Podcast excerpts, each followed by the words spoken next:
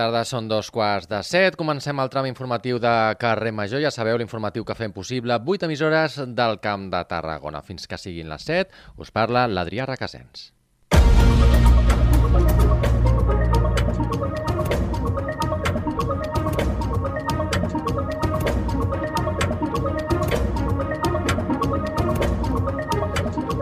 Iniciem l'informatiu parlant d'un projecte d'energia solar a la Conca de Barberà. Es tracta d'un gran parc fotovoltaic que preveu ocupar més de 360 hectàrees.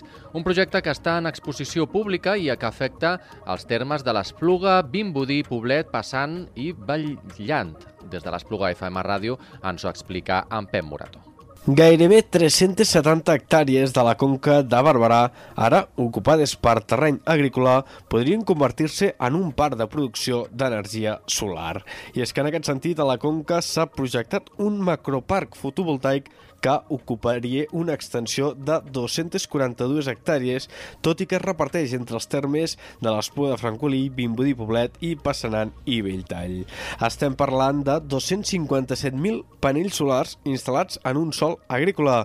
També hi ha un altre projecte de 126 hectàrees que es fracciona, en aquest cas, entre Montblanc, l'Espluga, Vallfogona de Recorb i Passanant i Belltall. Tot plegat tan sols són iniciatives que ja han sortit a informació pública, però que ara inicien el camí per obtenir tots els permisos. Gràcies, Pep. Seguim amb notícies de l'àmbit econòmic. La Federació d'Empresaris d'Hostaleria de la província de Tarragona i Repsol han renovat el conveni de col·laboració. Segons aquest acord, l'empresa química es converteix en el principal patrocinador de l'activitat de l'entitat hostalera. Des de Ràdio Ciutat de Tarragona ens ho amplia l'Àlvaro Rodríguez. La Federació d'Associacions d'Empresaris d'Hostaleria de la província de Tarragona i Repsol han renovat aquest dilluns el conveni de col·laboració que posa en relleu la bona entesa d'indústria i turisme.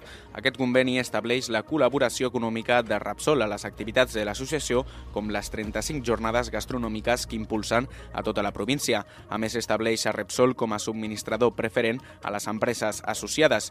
Francesc Pintado, president de l'AEACTE, explica que el conveni també estableix preus competitius pels hotels associats associats, ajudant especialment als més humils. Aquests 130 hotels fora del, del cor vacacional pur, aquests 130 hotels um, um, més humils, amb més necessitat de recolzament, hotels de pot petit, botic, hotels que obren 365 dies l'any, que generen llocs de treball eh, estables eh, durant tot l'any. Eh, Pintado també ha destacat l'important reconeixement del Sol Repsol, que sumen 14 segells en 12 establiments de la demarcació.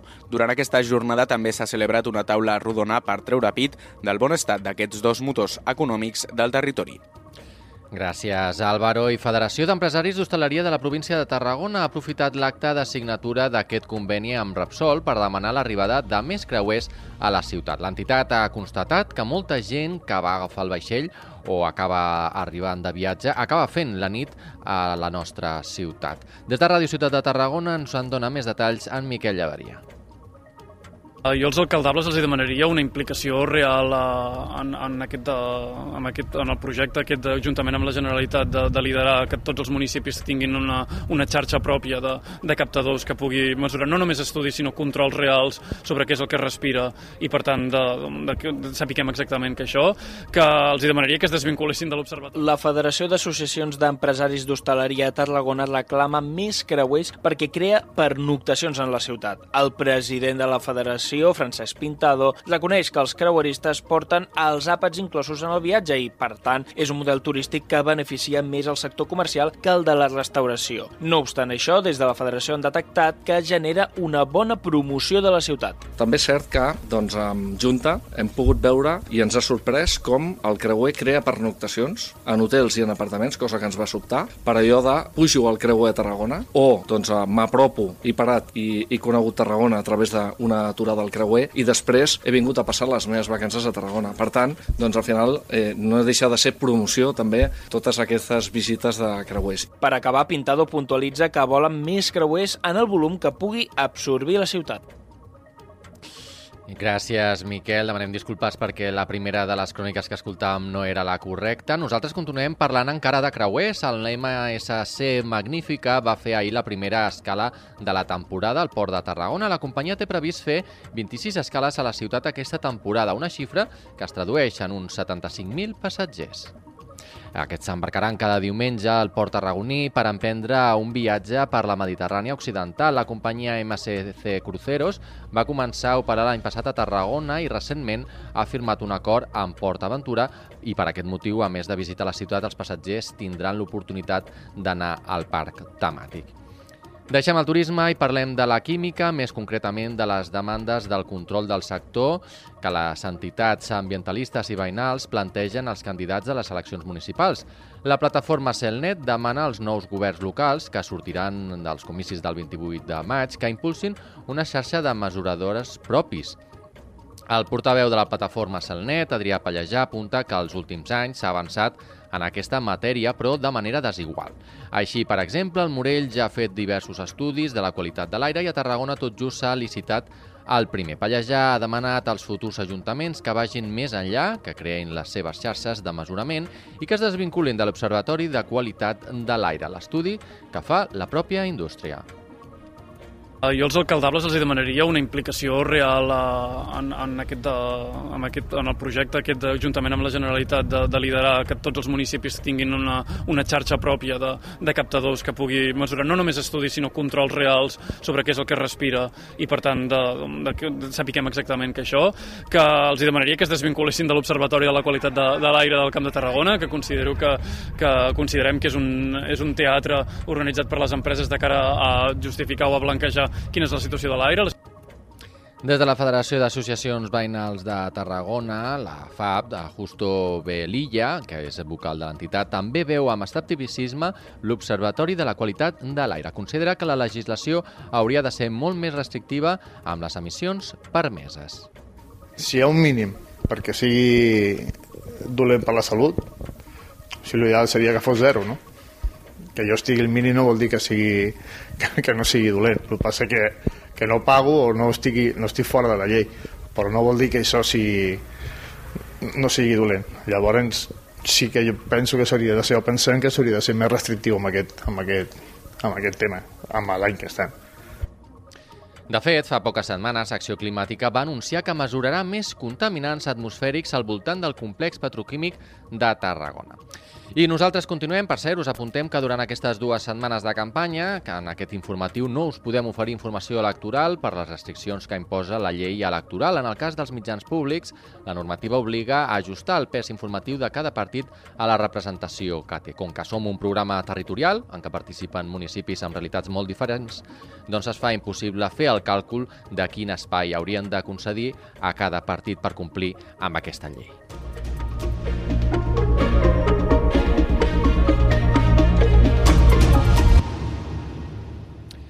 I a Roda de Baraja fa tres dies que es busca una dona que va desaparèixer dissabte. La dona de 67 anys va sortir de casa seva a les 7 del matí sense telèfon mòbil. Aleix Pérez, bona tarda.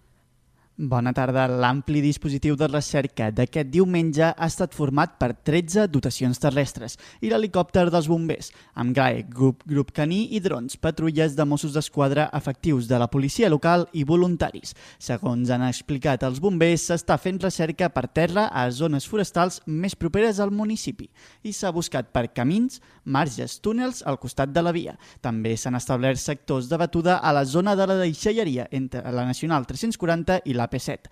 Des de l'Ajuntament de Roda de Barà demanen que qui tingui alguna informació pot trucar al 977 65 77 00.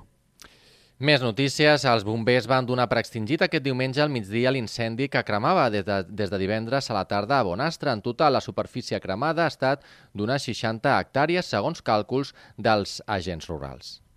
L'incendi va començar divendres en una zona propera a una hípica i ha tingut flames de fins a 20 metres d'alçada. Tot i els temors inicials d'expansió, el fet que el cap i el flanc esquerre topessin amb camps de cultiu ha facilitat la feina als bombers. De fet, dissabte ja s'havia donat per controlat el foc. I la Generalitat entregarà les despulles de Cipriano Martos a la família el 3 de juny. El retorn es farà a la població andalusa de Huétor Tájar. Ho han acordat el Departament de Justícia, Drets i Família i la família d'aquest obrer i sindicalista, d'origen andalús, assassinat pel franquisme al 1973 i que va ser enterrat en una fossa comuna del cementiri general de Reus. Les despulles de Cipriano Martos van ser exhumades i identificades tot just fa uns mesos en el marc del Pla de Fosses de la Generalitat.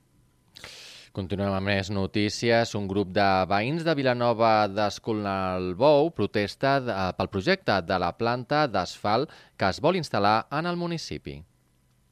El projecte sol·licitat per una empresa que ja té activitat en el municipi tindria una durada de 4 anys amb un mes més de pròrroga. Baix Camp Ràdio, Miquel Llevaria. Un grup de veïns de Vilanova d'Escornalbou es va manifestar durant el ple municipal pel projecte d'una nova planta d'asfaltatge que s'instal·laria temporalment al municipi durant 4 anys, amb un any de pròrroga. L'empresa darrere aquest projecte és Àrids i Excavacions Montroig SL, ja propietària d'una activitat extractiva en el municipi, que va presentar la sol·licitud al juny de 2020. Els veïns han assenyalat la contaminació de l'aire o l'augment d'afluència de camions de gran tonatge com a possibles principals problemàtiques derivades vegades. Per altra banda, fons de l'Ajuntament que han declinat declarar directament a micròfons de BXC Ràdio expliquen que encara no és segur que s'acabi portant a terme el projecte. A més, també asseguren que des de l'administració no poden evitar-ho si la llei ho permet i que s'ha complert rigorosament amb la normativa demanant tots els informes urbanístics i ambientals necessaris que, en el cas de la Generalitat, han estat favorables tots ells. Gràcies a Miquel i Valls engega un projecte per millorar el benestar emocional de la gent gran i persones dependents amb realitat virtual. Es tracta d'una iniciativa en què col·laboren el Centre d'Atenció Primària, l'Institut Narcís Uller i l'Ajuntament de Valls. Ens ho detalla David Prats des de Ràdio Ciutat de Valls. El projecte compta amb la participació del Pla d'Acció Comunitària Inclusiva de l'Ajuntament de Valls, l'Àrea Bàsica de Salut Valls Urbà, professores i alumnes de l'Institut Narcís Uller i les entitats del col·laboratori CatSud. El tècnic de Valls Genera d'Innovació Social i Digital, David Gateu, afirma que la proposta vol facilitar l'estimulació sensorial i promoure el benestar dels avis i àvies que podran endinsar-se en paisatges i entorns naturals a través de la realitat virtual. S'hem agafat aquest projecte per visualitzar la metodologia de treball del col·laboratori, que és juntar aquests agents de la 4 polèlics, representants de l'administració, de la ciutadania, centres educatius i de les empreses per fer un projecte que pongui a un repte vam detectar amb el CAP la necessitat de treballar amb la salut emocional de la gent gran per als problemes de mobilitat i de poder arribar a la natura. Llavors, a partir d'aquesta idea vam contactar amb el Narcís Uller, que es va mostrar interessat en participar en aquest projecte, i a partir d'aquí vam anar incorporant els diferents agents com el Placi, gent gran, i entre tots hem anat fent pinya per poder desenvolupar aquest projecte. El BR 360 ha arrencat aquest any en formació i de cara al proper curs es podrà posar ja en pràctica persones en situació de dependència.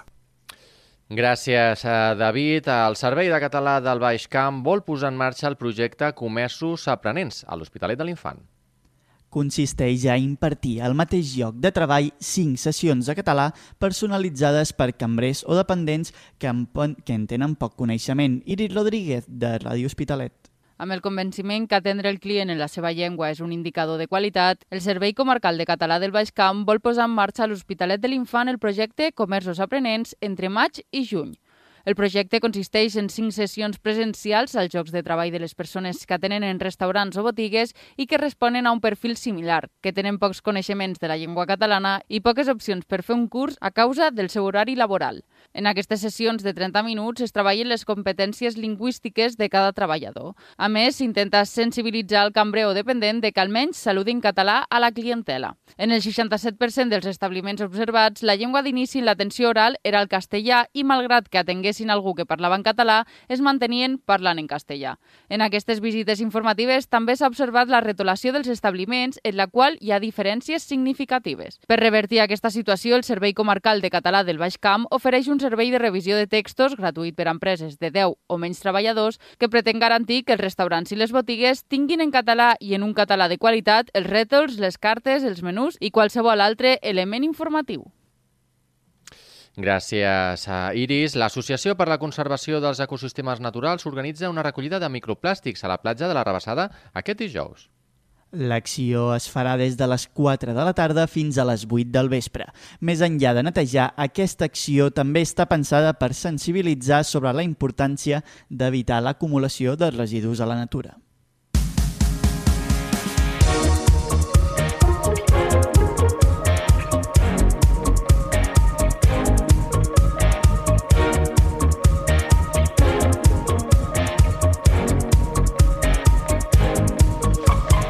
En esports, el Nàstic de Tarragona guanya el Cornellà i pràcticament signa la salvació a l'espera del que passi en els següents dos partits.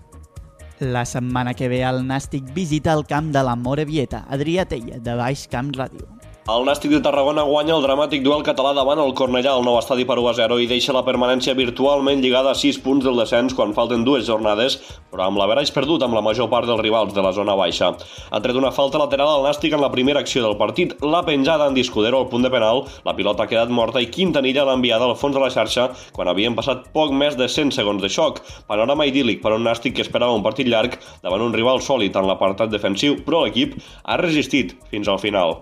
Dani Vidal, técnico grana, parla del que suposa aquesta victoria. Al principio de temporada siempre todos los equipos se ponen objetivos, pero después la temporada te va marcando si, si puedes conseguir esos objetivos o tienes que, que reconducirlos desde hace varias semanas. Por circunstancias el equipo se, se mete en una situación complicada y el primer objetivo era intentar sellar esta permanencia que últimamente los equipos de abajo estaban puntuando muchísimo. Nosotros tuvimos ese bachecillo de, de esas dos semanas de Baleares y Irún que no conseguimos puntuar, pero bueno, hoy hemos ganado dos victorias seguidas y aunque no pueda ser matemático, pero sí que creo que, que bueno, ese objetivo puede ser virtual. Els granes respiren ja pràcticament de manera definitiva i pensen ja en el pròxim partit de Lliga, que serà al camp de la Morevieta abans d'afrontar l'última casa davant l'Alcoyano. Gràcies, Adrià Tella. També satisfacció extrema al CBT, que ha aconseguit certificar l'accés al LEP Plata. Els blaus s'han imposat en la final que s'ha disputat aquest cap de setmana. Adrià Tella, de Ràdio Ciutat de Tarragona. El Club Bàsquet Tarragona certifica l'ascens superant el Pinar de Màlaga per 93 a 68 i ja és equip de l'EP Plata. Els tarragonins han quallat una fase final immaculada amb tres victòries en tres duels i aconseguint la primera plaça del grup. Els blaus aconsegueixen una fita històrica i d'un mèrit enorme després d'una temporada realment complicada, plena d'entrebancs en forma de múltiples lesions greus de jugadors importants. Però res atura el CBT. No han deixat de competir durant tota la campanya, jugués qui jugués, i han acabat assolint el somni. El playoff ja era un premi i els del Serrallo no l'han desaprofitat. El tercer partit davant el Pinar ha estat un clar reflex del que ha estat tota la temporada. Després d'un inici de partit impecable dels de Berni Álvarez, han vist com l'arbitratge condicionava greument l'equip al segon temps, omplint-lo de faltes personals i deixant a jugadors sense opcions i expulsant el mateix entrenador tarragoní abans del descans. Però de nou, res podia aturar el CBT. Han brillat alguns noms propis com Tugores i Àlex Doixe en el tercer temps per trencar definitivament el xoc. S'ha rematat la feina en el darrer quart i l'ascens s'ha convertit en realitat per teixir d'alegria blava Lluc Major. El CBT jugarà a l'EP Plata la temporada 2023-2024. Gràcies novament, Adrià Tella. I tot a punt per la cinquena edició de la Selva Trail. El Club Excursionista Aritjul ha presentat la nova edició de la consolidada matinal de curses de muntanya, que tindrà lloc el pròxim diumenge 21 de maig. En té tots els detalls des de Ràdio La Selva, Antonio Mellado. Els jardins de l'Hort d'Iglésies tornaran a convertir-se en el centre d'operacions de la Selva Trail. L'espai serà el punt de sortida i d'arribada de les diverses modalitats de la prova.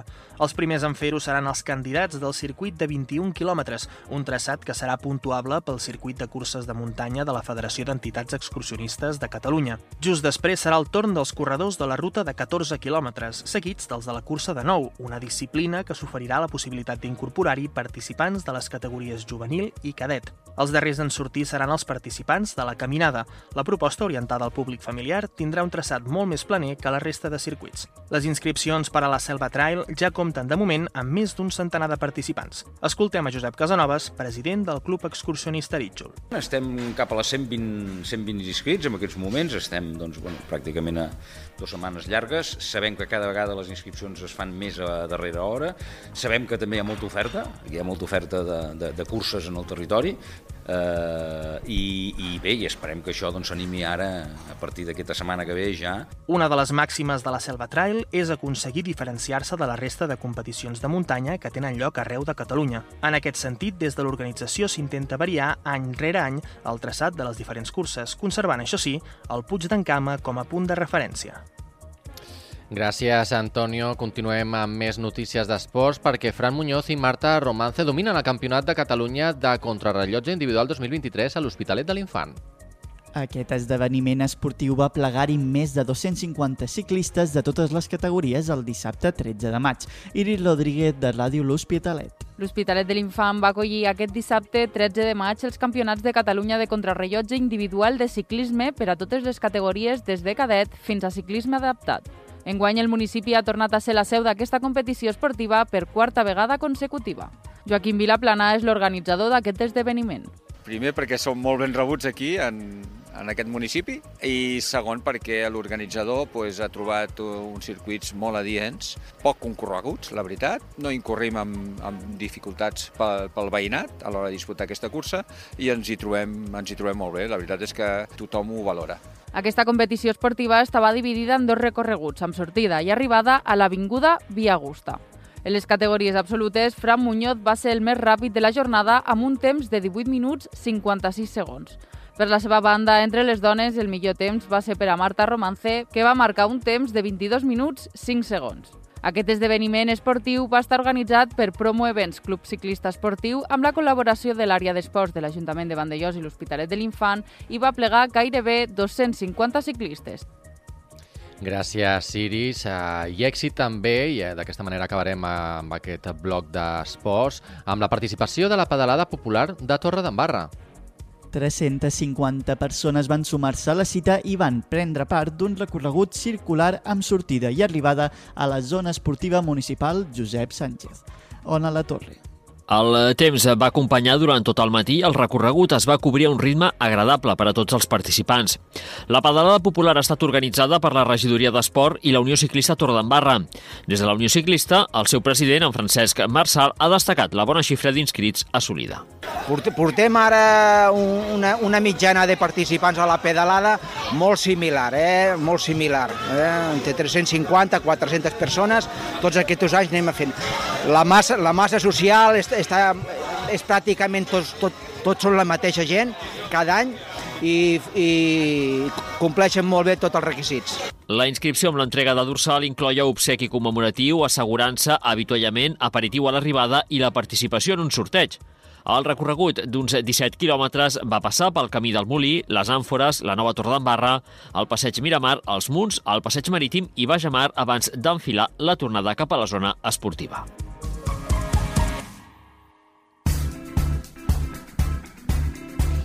Passem a cultura. Més de 40.000 espectadors s'han impregnat de circ en una edició de rècord del trapeci de Reus que aquest diumenge ha baixat el taló de la 27a edició.